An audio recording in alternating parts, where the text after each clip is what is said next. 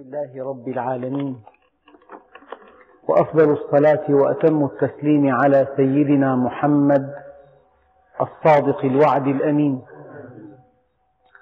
اللهم لا علم لنا إلا ما علمتنا إنك أنت العليم الحكيم. اللهم علمنا ما ينفعنا وانفعنا بما علمتنا وزدنا علما. وأرنا الحق حقا وارزقنا اتباعه.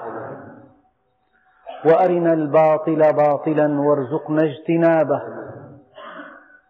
واجعلنا ممن يستمعون القول فيتبعون أحسنه وأدخلنا برحمتك في عبادك الصالحين. أيها الإخوة المؤمنون مع الدرس السابع من سورة الحجر وصلنا في الدرس الماضي إلى قوله تعالى أهل المدينة يستبشرون. قال إن هؤلاء ضيفي فلا تفضحون واتقوا الله ولا تخزوني قالوا أولم ننهك عن العالمين؟ قال هؤلاء بناتي إن كنتم فاعلين. فجاء قول الله عز وجل لعمرك إنهم لفي سكرتهم يعمهون. هذه هذا كلام معترض بين آيتين. يعني في سياق القصة قال الله عز وجل مخاطبا نبيه صلى الله عليه وسلم مقسما بعمره الثمين لعمرك إنهم لفي سكرتهم يعمهون. فهذا العمر الذي يعيشه الإنسان ستون عاما سبعون عاما أربعون عاما ثلاثون عاما خمسة وأربعون عاما هذا العمر الذي كتبه الله لهذا الإنسان. كيف يمضيه؟ الأنبياء أمضوا هذا العمر في هداية البشرية في نقلهم من الضلال إلى الهدى. من الشقاء إلى السعادة في تخليصهم من عقائد الوثنية من ضلالات الشرك من وحول الشهوات من ترهات الأباطيل من الخرافات من الخزعبلات. وهناك أشخاص هتلر مثلا عاش عمرا وانتهى هذا العمر وترك خمسين مليون قتيل في الحرب العالمية الثانية. خمسين مليون. إذا كان لكل قتيل أقرباء يزيدون عن خمسة فمئتان وخمسون مليون من البشر قد أعطبهم. هذا عمر. والنبي عليه الصلاة والسلام بهذه السنوات الستين الثلاث والستين التي عاشها أنقذ البشرية من الظلمات إلى النور من الضلال إلى الهدى من الانحراف إلى الاستقامة من الشقاء إلى السعادة. لذلك استحق أن يقسم الله رب السماوات والأرض بعمره الثمين وهذا كلام لنا علاقة به. هذا العمر الذي أحياه. كيف أمضيه؟ ما الموضوعات الكبرى التي تستغرقه؟ كسب المال؟ تأمين الحاجات؟ الرفعة بين الناس؟ أم لك في الحياة رسالة تؤديها؟ ما رسالتك؟ ما الذي يعنيك في الحياة؟ هناك أناس لا تزيد اهتماماتهم عن تأمين حاجاتهم. لذلك أحد الشعراء في عهد سيدنا عمر قال بيتا من الشعر فأدبه عمر رضي الله عنه وجعله يدخل السجن. قال لأحد الأشخاص دع المكارم لا ترحل لبغيتها واقعد فإنك أنت الطاعم الكاسي من كان اهتمامه لا يزيد عن تأمين الطعام والشراب وتأمين حاجاته. والخلود إلى الراحة والزينة وما إلى ذلك هذا العمر فارغ هذا العمر تافه عش ستين أو سبعين أو ثمانين أو تسعين أو مئتين هذه السنوات كلها لا تعني شيئا إن الله يحب معالي الأمور ويكره سفسافها ودنيها اسأل نفسك يا أخي هذا السؤال. أنا ماذا فعلت؟ سؤال حرج. ماذا فعلت؟ حجمك عند الله بحجم عملك. ما العمل الذي تستطيع أن تلقى الله به؟ ما العمل الذي تستطيع أن تعرضه على الله عز وجل؟ ماذا فعلت؟ لا أنسى مرة حينما حضرت جنازة وقام أحد العلماء ليؤبن الميت. فقال فلان مؤذن. ما تمكن أن يضيف كلمة واحدة. مع أني أعرف فلان رحمه الله كان يحضر معنا أحيانا. يعني كانت حياته مرفهة وكانت وكان دخله كبيرا وكان يحب أهل العلم وكان لكن ماذا فعل؟ هل هدى واحدا؟ هل أنقذ إنسانا؟ هل خلف علما؟ هل خلف ولدا صالحا ينتفع الناس به يدعو له؟ هل ترك صدقة جارية؟ سؤال هذا العمر لفت نظري في هذه الآية كلمة العمر لعمرك الله سبحانه وتعالى في عليائه يقسم بعمر هذا النبي الثمين لعمرك إنهم لفي سكرتهم يعمهون. أردت أن أفصل في هذه الكلمة. هناك عمر تافه من عمله إلى بيته. يجمع المال وينفقه على عياله وانتهى من دون توجيه من دون تربية من دون تأدية رسالة من دون عمل عمل صالح. يعني دينه الدرهم والدينار. وهذا دينه الشهوات وهذا دينه آه، الرفعة في الأرض وما إلى ذلك. لذلك هذا الشخص الذي لا يفعل خيرا لا يساوي عند الله شيئا. لا تعجب بهؤلاء الفارغين لا بأموالهم ولا بأولادهم ولا ببيوتهم إنما يريد الله ليعذبهم بها في الحياة الدنيا. ولكن اعجب من الذي أمضى حياته في طاعة الله وفي هداية الخلق وفي التقرب إلى الحق.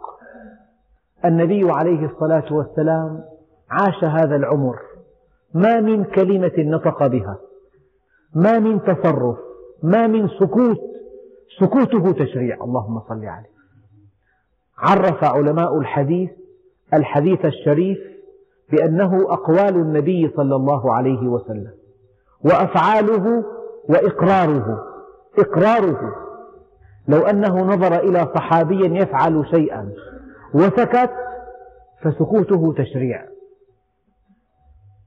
لأنه إذا سكت معنى ذلك أنه أقره على هذا العمل.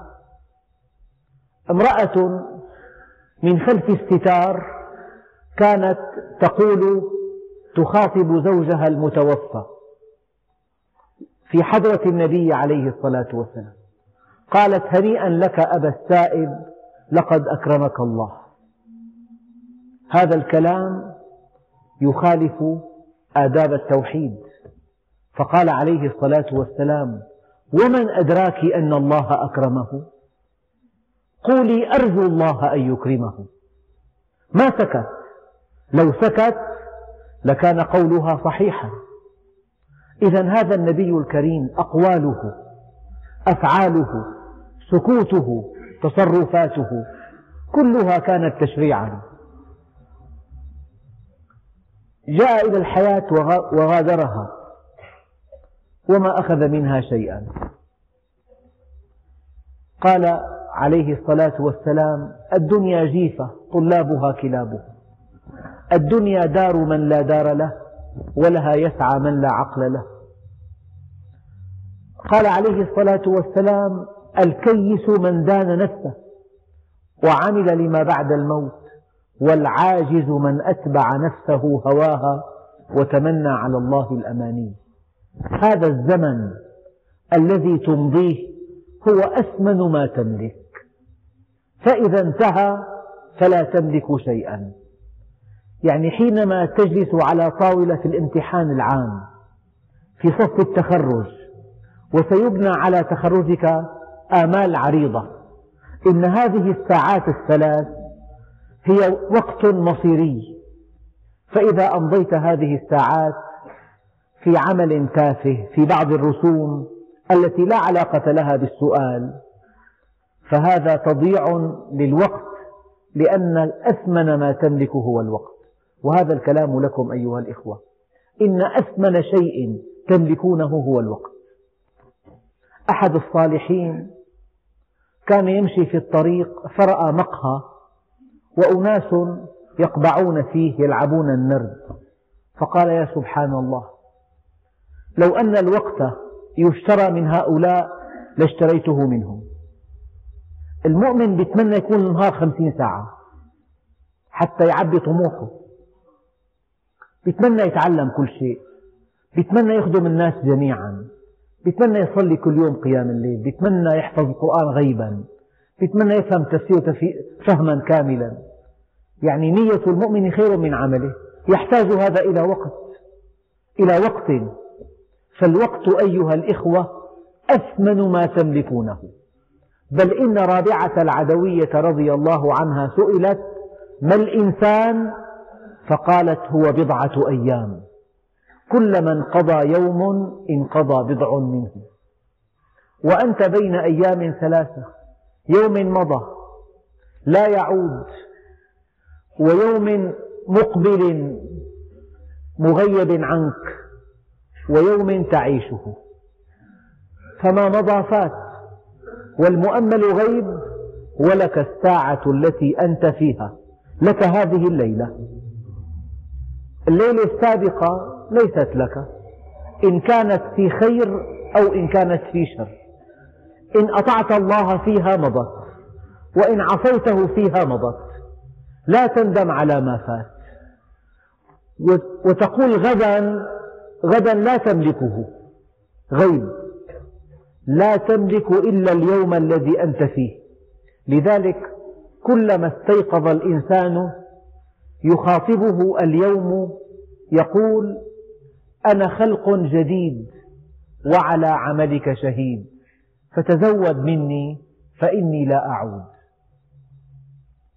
وكلما استيقظ الإنسان صباحا من فراشه يجب أن يأتي على خاطره ما يلي. لقد سمح الله لي أن أعيش يوما آخر في حياتي. سمح لي. ما دام قد استيقظ لي صديق ذهب إلى فراشه الساعة الحادية عشرة. زوجته في الساعة الثانية مست يدها يده فإذا هي باردة فانتفضت من الفراش فإذا هو ميت. فإذا استيقظ الإنسان من فراشه صباحا يجب أن يأتي عليه هذا الخاطر. لقد سمح لي أن أعيش يوما آخر أضيف إلى عمري هذا اليوم ماذا أفعل به؟ راقب نفسك كيف تمضي هذا اليوم؟ كيف يمضي؟ قد يمضي بأشياء تافهة بمشاحنة فارغة بخصومة سخيفة بأعمال لا جدوى منها بحديث فارغ بغيبة بنميمة بجمع مال بتزيين بيت بزيارة قريب الحديث عن الدنيا وعن حطامها وعن حاجاتها. هذا إذا لم يكن هناك معصية. هذا إذا أمضيت اليوم فيما لا يغضب الله عز وجل فأنت خاسر. فكيف إذا أمضي اليوم في معصية؟ كيف إذا ارتكبت فيه معصية؟ كيف إذا كنت غافلا؟ كيف إذا كنت منحرفا؟ كيف إذا تجاوزت حدك إلى ما لا يرضي الله عز وجل؟ لذلك قال عليه الصلاة والسلام لا بورك لي في يوم. لا بورك لي في يوم. لم أزدد فيه من الله قربا. ولا بورك لي في يوم. لم أزدد فيه من الله علما. والمغبون من تساوى يوماه. ومن لم يكن في زيادة فهو في نقصان. هذا الدرس لا ينبغي أن ينتهي مع نهاية الدرس. يجب أن تبقى هذه المعاني معكم طوال الأسبوع. هذه شحنة. شحنة. يعني غدا السبت استيقظت. ماذا سأفعل اليوم من عمل يرضي الله عز وجل؟ ماذا سأفعل من عمل أدخره لآخرتي؟ لما بعد الموت؟ إذا جاءني ملك الموت فجأة. هذا يا ربي قدمت هذا العمل فعلت هذا العمل عدت هذا المريض لوجهك عاونت هذا الفقير لوجهك جلست في مجلس العلم حتى أتعرف إليك قرأت القرآن حفظته بررت, بررت أمي خدمت والدي أحسنت إلى جيراني دعوت إلى الله أمرت بالمعروف نهيت عن المنكر. إذا استيقظت من منامك فانتبه أن هذا اليوم يوم جديد أضيف إلى عمرك. ولن يعود. أنا خلق جديد وعلى عملك شهيد فتزود مني. أمسك سيدنا عمر تفاحة. قال أكلتها ذهبت أطعمتها بقيت تركب سيارتك. رأيت إنسان يحتاج إلى أن توصله لمكان بعيد. ومعك وقت. إيه هذا عمل. فرصة لعمل صالح. لا, تفوت لا يفوت هذا العمل. لك جار مريض. عدته. وجدته بحاجة إلى طبيب. فأتيت له بالطبيب. وجدته بحاجة إلى دواء. فأتيت له بالدواء. هذا عمل تدخره لما بعد الموت. الكيس من دان نفسه وعمل لما بعد الموت. والعاجز من أتبع نفسه هواها وتمنى على الله الأماني. معظم الناس يعملون لما قبل الموت. والمؤمن يعمل لما بعد الموت. إذا كان عملك لما قبل الموت عظيما فينتهي بالموت. مهما كان عملك عظيما ينتهي بالموت. مهما تركت من ثروة طائلة تنتهي بالموت. يا أهلي يا ولدي لا تلعبن بكم الدنيا كما لعبت بي. جمعت المال مما حل وحرم فأنفقته في حله وفي غير حله. فالهناء لكم والتبعة علي والتبعة علي فهذا النبي الكريم كما قال عن نفسه صلى الله عليه وسلم نحن معاشر الأنبياء تنام أعيننا ولا تنام قلوبنا. أبيت عند ربي يطعمني ويسقين ما غفل عن الله لحظة ما نامت عينه. دائم الذكر دائم الالتجاء دائم الدعاء دائم الرجاء دائم التوكل دائم التفويض دائم التسليم دائم الصبر دائم الشكر. هذا حال النبي عليه الصلاة والسلام. لذلك استحق أن يقسم الله بعمره الثمين طبعا النبي عليه الصلاة والسلام بلغ سدرة المنتهى وبلغ المقام المحمود وكان أكرم الخلق على الحق. لا يحتاج إلى اعتراف بهذا المقام. هو غني عن هذا ولكننا نحن المحتاجون. إذا قلت إنه أقسم بعمره الثمين إنك لا تضيف شيئا إليه. هو هكذا. هذه مرتبته وهذا مقامه. وقد فاز ونجح وكان سيد الخلق وحبيب الحق. انتهى الأمر. لن تضيف شيئا بكل ما تقول. ولكن الذي يعنيني أنت الذي تعيش الذي بين جوانحك قلب ينبض أنت المعني. كيف تمضي هذا العمر؟ كيف؟ أتحضر مجالس العلم؟ أم تحضرها شتاء وفي الصيف لك حركاتك؟ ونزهاتك. أمجلس العلم أغلى عليك من كل شيء؟ معنى ذلك أن الله سبحانه وتعالى غال عليك. أيها الإخوة الأكارم هناك عمر تافه وهناك عمر ملئ بالشر والتجاوزات والطغيان وهناك عمر ملئ بالخيرات. وقد قال عليه الصلاة والسلام خيركم من طال عمره وحسن عمله. يعني الذي أحب أن أقوله لكم الحقيقة مرة دائما. في أسئلة محرجة اسأل نفسك ما هو عملي الذي ألقى الله عليه؟ ما هو عملي الذي أدخره لآخرتي؟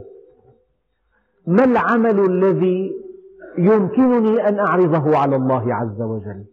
إذا, كانت مقا... إذا كان مقامي عند الله عز وجل بحجم عملي فما هو عملي؟ هل تظن أنك إذا حضرت مجلس العلم ولم تكن في مستواه فقد فعلت شيئا عظيما؟ ولكن ماذا فعلت من أجلي؟ هكذا في الحديث الشريف. هل واليت في وليا؟ هل عاديت في عدوا؟ ماذا أنفقت من مالك من أجلي ماذا أعطيت؟ هل منعت من أجلي هل أعطيت من أجلي هل واددت من أجلي هل عاديت من أجلي هل أكرمت من أجلي هل خاصمت من أجلي ماذا فعلت من أجلي يا رسول الله جئتك لتعلمني من غرائب العلم. فقال وماذا صنعت في أصل العلم؟ قال وما أصل العلم؟ قال هل عرفت الرب؟ قال ما شاء الله. قال فماذا عملت ماذا فعلت في حقه؟ قال ما شاء الله قال هل عرفت الموت؟ قال نعم قال فماذا أعددت للموت؟ هذا كله من قوله سبحانه وتعالى لعمرك إنهم لفي سكرتهم يعمهون أما معنى سكرتهم قال أحد الشعراء سكران سكر هوى وسكر مدامة. ومتى إفاقة من به سكران؟ السكر أنواع. بعض أنواع السكر أن يشرب الإنسان الخمر فتسكره. وبعض أنواع السكر أن يهوى شيئا فهو سكران في محبته. وحبك الشيء يعمي ويصم. وحب الدنيا رأس كل خطيئة. هذا سكران بحب الدنيا. وهذا سكران بحب متاعها ومتعها مباهجها شهواتها ملذاتها حطامها أماكن العلو فيها. هذا سكر ربنا والسكر في نوع ثالث. يا أيها الناس اتقوا ربكم إن زلزلة الساعة شيء عظيم. يوم ترونها تذهل كل مرضعة عما أرضعت. وتضع كل ذات حمل حملها وترى الناس سكارى وما هم بسكارى. ولكن عذاب الله شديد. الناس أحيانا يسكرون بالعذاب. لشدة الهول يذهلون عن أنفسهم وعن أعز الناس عليهم. والهوى سكر. وهؤلاء قوم لوط سكارى بهذه الشهوات المنحرفة. لعمرك إنهم لفي سكرتهم. هم الآن سكارى. الناس نيام إذا ماتوا انتبهوا. هم سكارى الآن. لعمرك إنهم لفي سكرتهم يعمهون.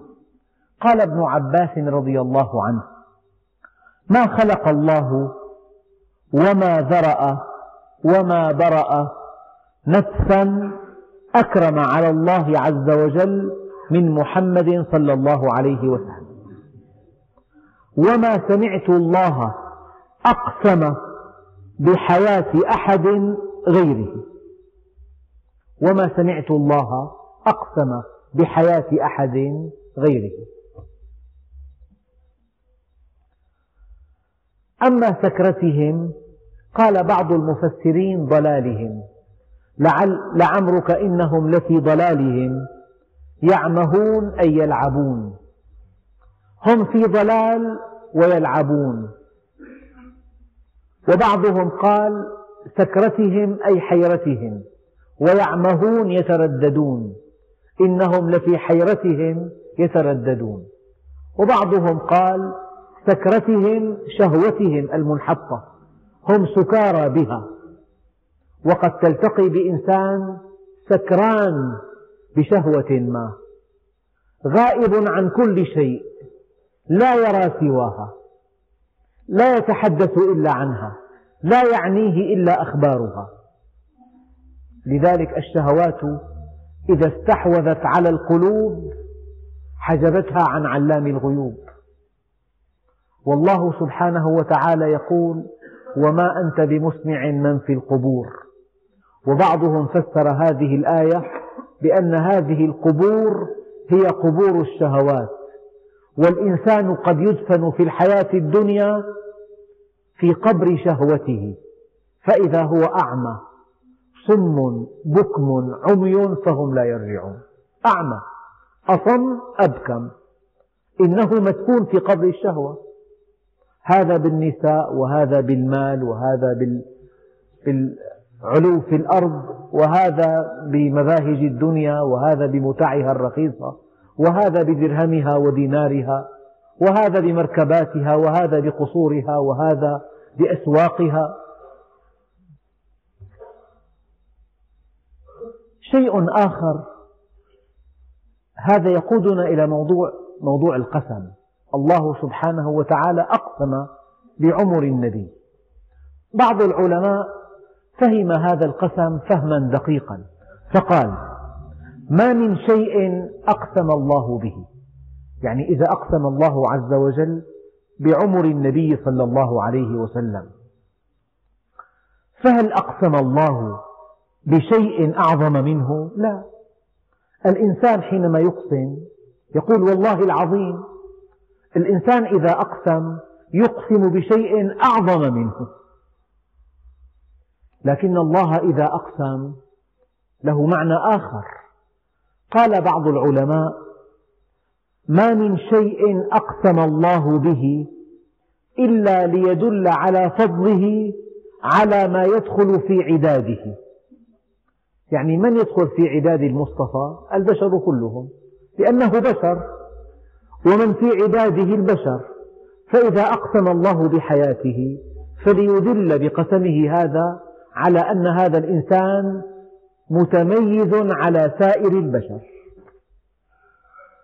إذا قال والتين والزيتون على هذا المعنى هناك أشجار كثيرة لكن التين والزيتون يقع في المقدمة أشجار معمرة وتؤدي غايات كثيرة ولها منافع جمة. تصير النجوم بالسماء نجوم كثيرة. قال والشمس وضحاها. أقرب النجوم لنا الشمس. إذا أقسم الله بشيء فليدل على أنه أفضل مما يدخل في عداده هذا بعض توجيهات الأقسام الإلهية. وبعضهم قال إذا أقسم الله بالشمس فهو يقول ورب الشمس. ورب القمر. ورب السماء ورب محمد ورب هذا العمر الثمين إما أن توجه القسم بإضافة كلمة وربي وإما أن القسم يفيد أن هذا الشيء الذي أقسم الله به يفوق كل ما دخل في عداده وإما أن يقسم الله عز وجل بشيء هو بالنسبة إلينا عظيم. لكن إذا قيس إلى الله عز وجل لا شيء. بالنسبة إلينا يقسم. بالنسبة إليه لا يقسم. يقول فلا أقسم بما تبصرون وما لا تبصرون. الكون كله دخل فيه. فلا أقسم بمواقع النجوم. فهذا توجيه ثالث. إذا أقسم بشيء فهذا الشيء بالنسبة إلينا. وإذا لم يقسم بشيء فهذا الشيء بالنسبة إليه. وإذا أقسم فليدلل على أن كل ما دخل في عباده دونه. أو لك أن تضيف مع الأقسام الإلهية كلمة ورب الشمس والقمر ورب الفجر وليال عشر. هذه ثلاث توجيهات للقسم الإلهي في القرآن الكريم.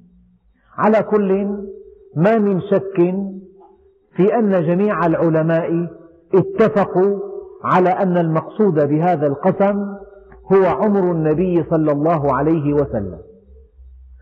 وأن هذا تشريف وتعظيم لعمر النبي صلى الله عليه وسلم وتأكيد أن أيها الإنسان اقتدي بهذا النبي العدنان.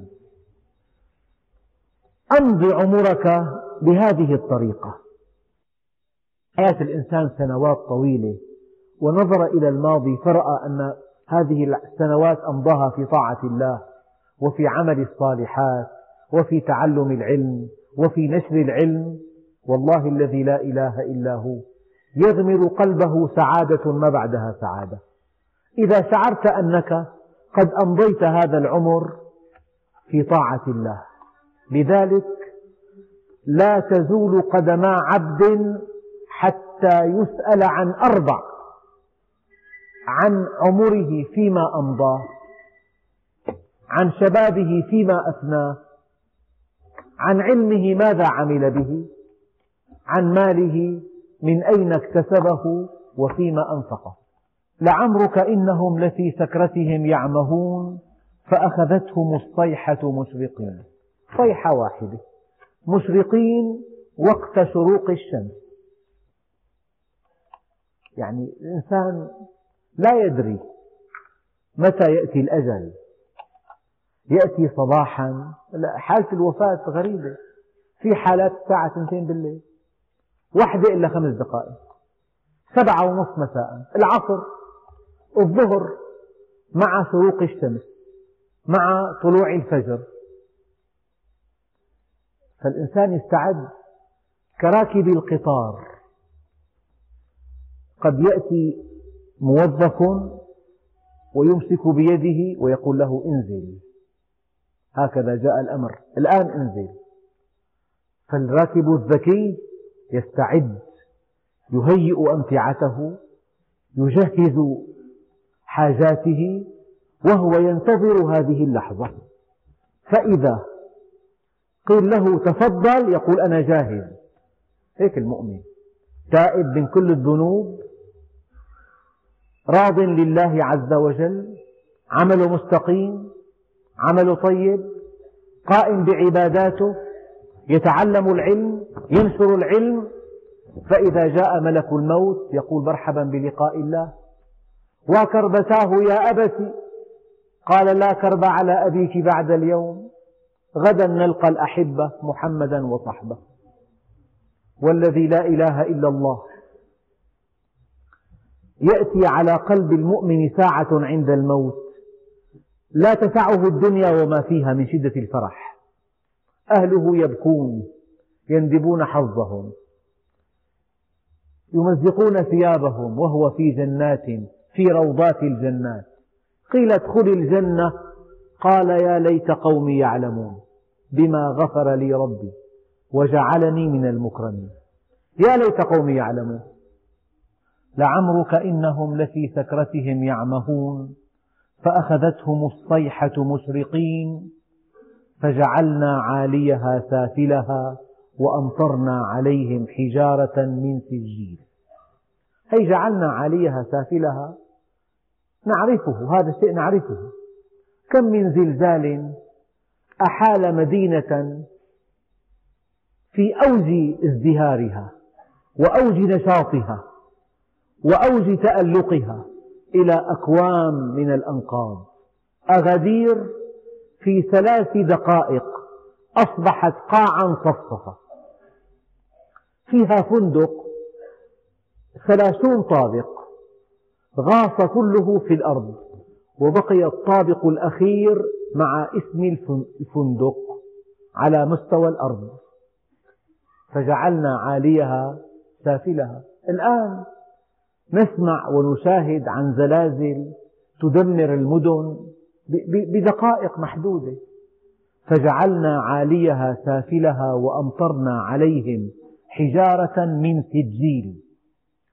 لهذه الكلمة معنيان. المعنى الأول أن السجيل هو الطين اليابس.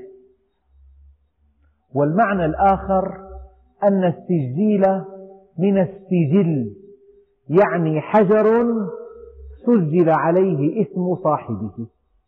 بمعنى أنه في ملكوت السماوات والأرض ليس هناك شظية طائشة شيء طائش ما في عند الله عز وجل.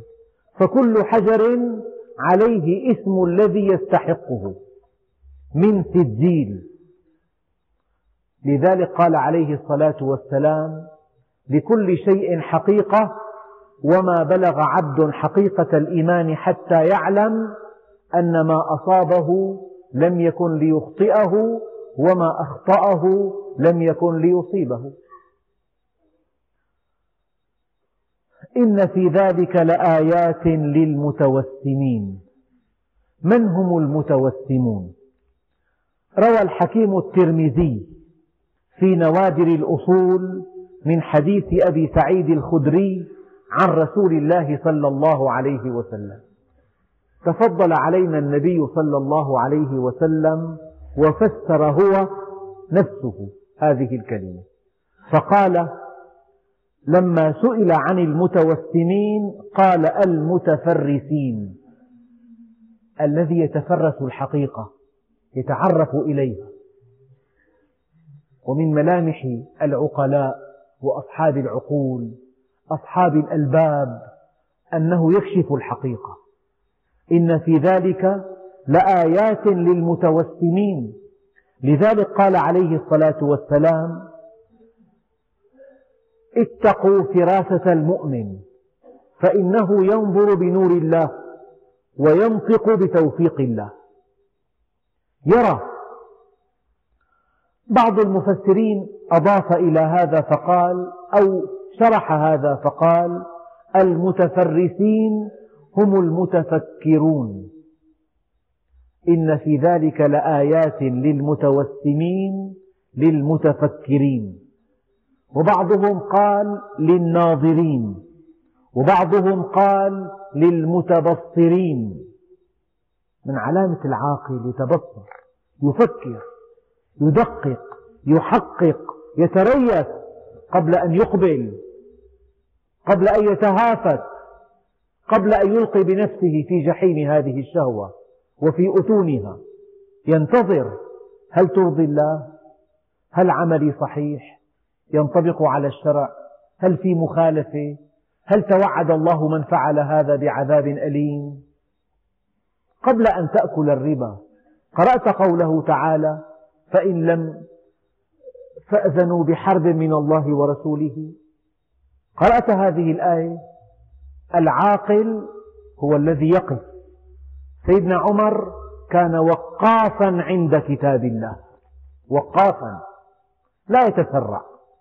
قبل أن توقع هذا العقد مع شريكك هل تعلم أن في هذه البضاعة مادة محرمة يحرمها الشرع؟ قبل أن تأخذ هذا المبلغ هل عرفت أن هذا المبلغ قد يكون حراما؟ قبل أن تطلق هذه الزوجة هل أنت متأكد أن هذا الطلاق يرضي الله عز وجل؟ أو أن فيه سخط, سخط الله عز وجل؟ قبل أن تطلق قبل أن تشتري قبل أن تبيع قبل أن تتزوج. هل اخترت المرأة الصالحة؟ من تزوج المرأة لجمالها أذله الله. من تزوجها لمالها أفقره الله. من تزوجها لحسبها زاده الله دناءة.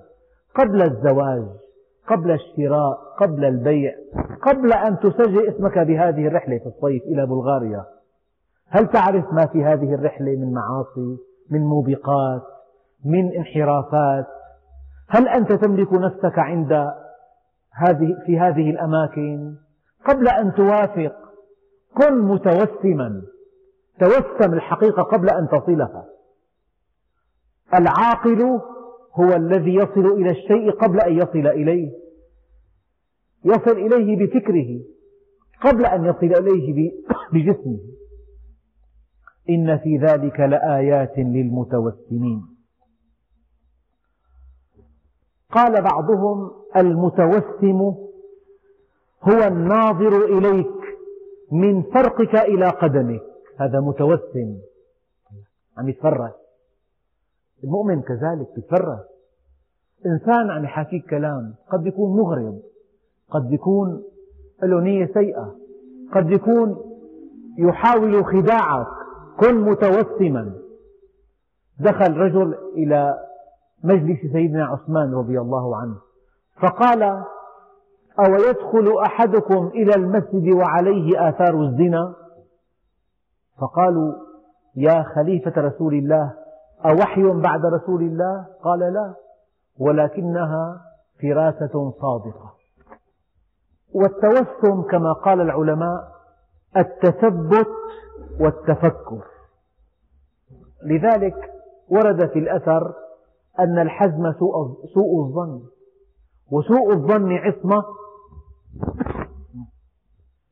واحترس من الناس بسوء الظن. وكان عليه الصلاة والسلام يحذر الناس ويحترس منهم من غير أن يطوي بشره عن أحد. بشره للجميع ولكنه يحذر أحيانا. والعلماء قالوا التوسم يحتاج إلى شروط إلى جودة القريحة وحدة الخاطر وصفاء الفكر وتفريغ القلب من حشو الدنيا. هذا الغرقان بالشهوات معني قلبه. وتفريغ القلب من حشو الدنيا وتطهير النفس من أدناس المعاصي وكدورات الأخلاق الذميمة وفضول الدنيا. هذا المتوسم إنسان قلبه شفاف فارغ من حب الدنيا فارغ من شهواتها فارغ من حطامة من مشاغلها من همومة. المتوسم إنسان حاد الفكر حاد الخاطر صافي النفس بعيد عن المعاصي مطهر عن الدنس. إذا كنت كذلك يؤتيك الله هذه الفراسة الصادقة. والسادة الصوفية قالوا التوسم هو الكرامة. كرامة الله لهذا الصوفي يعطيه هذه القدرة على كشف الحقائق. لك الكشف أحد أحوال الصوفية حال الكشف. ينظر إلى الشخص فيعرف كأنه يعرف ما يخبئه له. وقال بعضهم التوسم هو الاستدلال بالعلامات إما علامات ظاهرة أو علامات باطنة. وبعضهم عد التوسم إدراك دقيق جدا عن طريق استدلال دقيق. سيدنا الصديق رضي الله عنه حينما سمع قوله تعالى أو حينما نزلت هذه الآية صار يبكي. شوف هي الآية. قال تعالى بسم الله الرحمن الرحيم إذا جاء نصر الله والفتح. ورأيت الناس يدخلون في دين الله أفواجا. فسبح بحمد ربك واستغفره إنه كان توابا. صار يبكي. البكاء ما له معنى. جاء نصر الله والفتح. ورأيت الناس يدخلون في دين الله أفواجا وتبكي. عرف أن, أن في هذه الآية نعوة للنبي عليه الصلاة والسلام.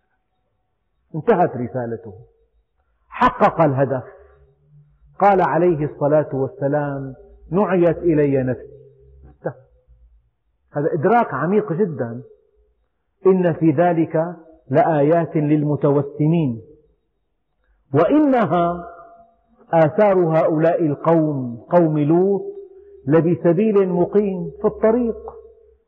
في طريق العرب من مكة إلى بلاد الشام ديار لوط على طريقهم وكيف جعل الله عاليها سافلها. وإن هذه الآثار تنطق بظلم هؤلاء تنطق بما فعلوا. وإنها الآثار لبسبيل السبيل هو الطريق مقيم. كما أن أهرامات الفراعنة إنها شواهد. على حضارتهم وعلى مجدهم وكيف دمروا وأهلكهم الله عز وجل. إن في ذلك لآية للمؤمنين وإن كان أصحاب الأيكة لظالمين. أصحاب الأيكة أصحاب البساتين. والأيكة هي الشجرة العظيمة ملتفة الأغصان. وإن كان أصحاب الأيكة لظالمين هم قوم سيدنا شعيب. فانتقمنا منهم. وإنهما لبإمام مبين. يعني آثار قوم لوط وآثار قوم شعيب أمام المسافرين جيئة وذهابا على طريق مكة الشام. وإنهما لبإمام مبين. ولقد كذب أصحاب الحجر المرسلين. وأصحاب الحجر بعضهم قال الذين نحتوا بيوتهم من الصخر هؤلاء الأنباط إذا زرت مدينتهم ولا تزال قائمة حتى الآن إنها مدينة رائعة بيوتها محفورة في الصخر بيوت غرف نوافذ أماكن للتهوية متينة صخر جبل حماماتهم أماكن لهوهم مسارحهم بيوت أمرائهم مياههم قنواتهم. أنا رأيتها بأم عيني كذب أصحاب الحجر المرسلين وآتيناهم آياتنا فكانوا عنها معرضين. دعنا أحيانا صدفة أثناء تقليب الإذاعات يسمع الذي يدير هذا الجهاز القرآن الكريم سريعا ما يزيح عنه. ما بده يسمع قرآن بده غناء. لو أنك نصحته لتثاءب أمامك فإذا حدثته عن الدرهم والدينار وعن هذا المشروع وذاك المشروع وعن هذه الرحلة وتلك الرحلة تراه أذنا صاغية. إذا قبض المال يقظ. فإذا استمع إلى مجلس علم تأخذه سنة من النوم. هل رأيت لربك بحياتك كلها؟ إنسان يقبض الآلاف وهو نائم. لا ينام. في كامل الصحوة كامل النشاط كامل اليقظة. يعملها مرتين يكون كمان تنتين بوحدة حيعطياهم. في يقظة تامة فربنا عز وجل قال ولقد كذب أصحاب الحجر المرسلين وآتيناهم آياتنا فكانوا عنها معرضين. جعلوها وراء ظهورهم. لم يلتفتوا إليها. هذا الموضوع لا يعنينا. هذا الموضوع عفى عنه الدهر. حدثنا عن الدرهم والدينار. حدثنا عن الشهوات. حدثنا عن بعض الأفلام. حدثنا عن شيء نتوق إليه. هذا شيء لا يعنينا الآن. فكانوا عنها معرضين وكانوا ينحتون من الجبال بيوتا آمنين. ظنوا ظنوا أنهم بهذه الطريقة يأمنون من جائحات الزمان أو يأمنون من الموت أو أن هذه المدينة محصنة. إن الطريق إليها ممر إجباري بين جبلين لا يتسع إلا لفرس أو فرسين فقط. ممر إجباري. إذا أي عدو سوف يصل إليهم سيحصرونه بهذه الطريقة. وكانوا ينحتون من الجبال بيوتا آمنين. فأخذتهم الصيحة مصبحين. أخذتهم الصيحة. صاح الله بهم فدمروا عن آخرهم. أخذتهم الصيحة مصبحين فما أغنى عنهم ما كانوا يكسبون. يعني هذه المدينة وهذه البيوت وهذه الحمامات وهذه المسارح وهذه القنوات وهذه المحاكم حتى أن بيت البيت الكبير الذي هو لمن يدير شؤونهم ثلاثون مترا بثلاثين مترا بثلاثين مترا. ثلاثين عمق وثلاثين عرض وثلاثين ارتفاع. نحت من الصخر. في لب الجبل وعلى مدخل هذا القصر الأعمدة والتيجان والأقواس شيء لا يصدق. وكانوا ينحتون من الجبال بيوتا آمنين. فأخذتهم الصيحة مصبحين فما أغنى عنهم ما كانوا يكسبون. والآن الإنسان لو أنه أشاد هذا البناء قال لك أخي أنا اعتنيت بالكسوة عناية بالغة انتقى أحسن أنواع البلاط أحسن أنواع الطلاء أحسن أنواع المواسير أحسن أنواع البياض. انتقى أحسن أنواع الفرش والأساس والأجهزة. فإذا جاء ملك الموت يدعه كما هو ويأخذونه إلى المثوى الأخير. والله الذي لا إله إلا هو. لو تبصر الناس بما كتب على النعوات لارتعدت فرائصهم. اقرأ النعوة. وسيشيع فلان إلى مثواه الأخير. إذا هذا البيت الذي يسكنه ماذا يسمى؟ استنتاجا مثوى مؤقت بيت مؤقت اعتني به ما شئت إنه مؤقت. مؤقت سنوات معدودة. أعرف رجلا مضى على كسوة بيته مضى عليه وهو يكسو بيته سنتان. بالتمام والكمال لشدة وسوسته وشدة حرصه على أن يكون هذا البيت مثلا أعلى في الأناقة والذوق. بعد أن سكنه بشهر واحد توفيت زوجته. وبعد ستة أشهر توفي هو. سنتين لم يسكن به إلا سبعة أشهر بالضبط. فلذلك فما أغنى عنهم ما كانوا يكسبون. ابن بيتا في الآخرة. ادفع من مالك في سبيل الله. ادفع من مالك للفقراء والمساكين. أحسن إلى الخلق يحبك رب العالمين.